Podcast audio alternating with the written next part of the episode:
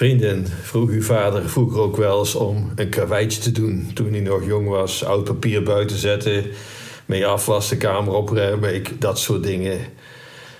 Ehm, ik, ik, vermoed van wel. Zo ging het ook bij de broertjes Tim en Tom op een dag. Loopt vader de kamer van Tim binnen. Tim, het heeft nogal gewaaid de laatste dagen. De tuin ligt vol bladeren. Zou je die weg willen harken?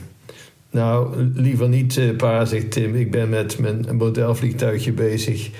Ik wil het echt vandaag af hebben. Ik heb nu geen tijd om de tuin te haken. En vader doet de deur dicht en loopt naar beneden. Daar hangt Tom voor de tv. Tom wil juist de bladeren van het gras haken. Goed, pa, zegt Tom, ik begin er meteen aan. Ik begin er meteen aan, maar pa is de deur nog niet uit of Tom bedenkt zich. Tim trouwens ook. Tim denkt, ach, ik kan eigenlijk best een half uurtje bladeren harken. Dan heb ik nog tijd genoeg.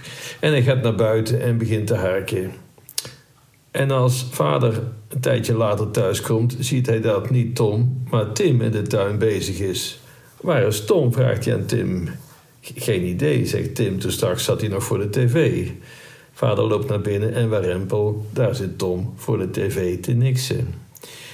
Uh, een simpele maar overbodige vraag. Wie denkt u, wie heeft nu gedaan wat die vader eigenlijk vroeg? Tom of Tim?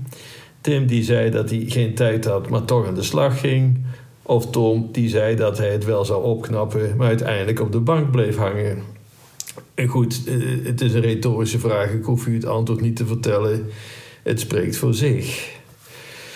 In, in de Bijbel ook zo'n simpel verhaaltje. Jezus vertelt het ons. Het gaat over een vader, die heeft twee zonen. En aan beide vraagt hij of ze komen helpen druiven plukken. Ga alsjeblieft naar mijn wijngaard. De een zei nee, maar ging toch. De ander zei ja, maar ging niet. Jezus vertelt nooit zomaar wat verhaaltjes om maar wat te converseren of voor het slapen gaan. Als Jezus een verhaal vertelt, dan bedoelt hij er iets mee. En met dit eenvoudige verhaaltje wil Jezus ons duidelijk maken dat wat we doen een stuk belangrijker is dan wat we zeggen dat we misschien zullen gaan doen. En om het nog duidelijker te maken, zegt hij er nog bij: Dieven en moordenaars die zich bekeren en een goed leven gaan leiden, komen eerder in de hemel dan mensen die precies weten wat wel en niet de bedoeling is, maar uiteindelijk helemaal niet Gods wil doen. Het is inderdaad aardig als je heel de Bijbel uit je hoofd kent en als je vindt dat het wel mooi is wat Jezus allemaal zegt. Maar wat hebben we daaraan als je het niet ook probeert te doen, hem na te volgen? Geen woorden, maar daden. Wat hebben we eraan als je vergeving, ach wel een mooi beginsel vindt, maar je bent niet van plan zelf anderen te vergeven, omdat je dat maar lastig vindt? En een referaat over bidden, dat is mooi, maar wat schiet je daarmee op als je zelf niet echt bidt? Jezus vertelde deze parabel in de tempel van Jeruzalem een paar dagen voordat ze hem zouden arresteren en doden.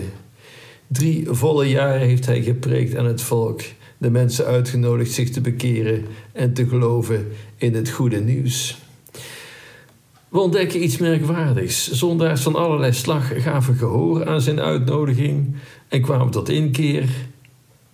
Maar niet iedereen. Schriftgeleerden en fariseeën bleden wel met de mond het geloof, maar in feite vonden ze zichzelf zo voortreffelijk als ze God niet nodig hadden en ook geen bekering nodig hadden.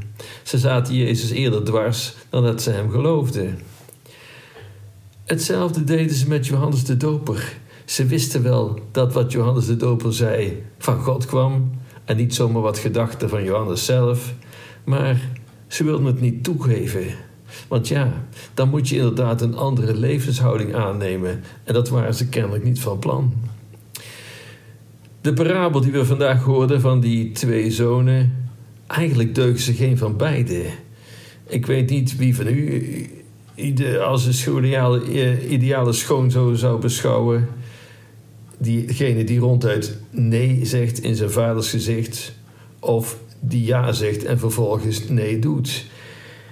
Geen van twee is eigenlijk echt goed bezig. Ja zeggen en ja doen, dat is een stuk beter. Oh, oké, beter ten halve gekeerd dan ten hele gedwaald, maar toch, maak werk van je geloof. Want dat is wat Jezus bedoelt met de wil van de Vader doen. Hem navolgen En dat, dat is niet een kwestie van ingewikkelde theorieën. Hè? U weet het, Jezus zegt het op Witte Donderdag. Ik herhaal het vaak, maar ik zeg het nog maar een keer. Ik heb een voorbeeld gegeven, zegt Jezus, opdat gij het zou navolgen. Jezus heeft niks aan, aan toeschouwers en aan mensen die applaudisseren, maar die hem navolgen. En als u weet wat het inhoudt, ik geef een paar voorbeelden. Vergeven, afgeven, de minste willen zijn, een ander het zijnde gunnen, iemand die het na het leven staat toch goed behandelen. Dat soort zaken. Jezus is daar volstrekt duidelijk in.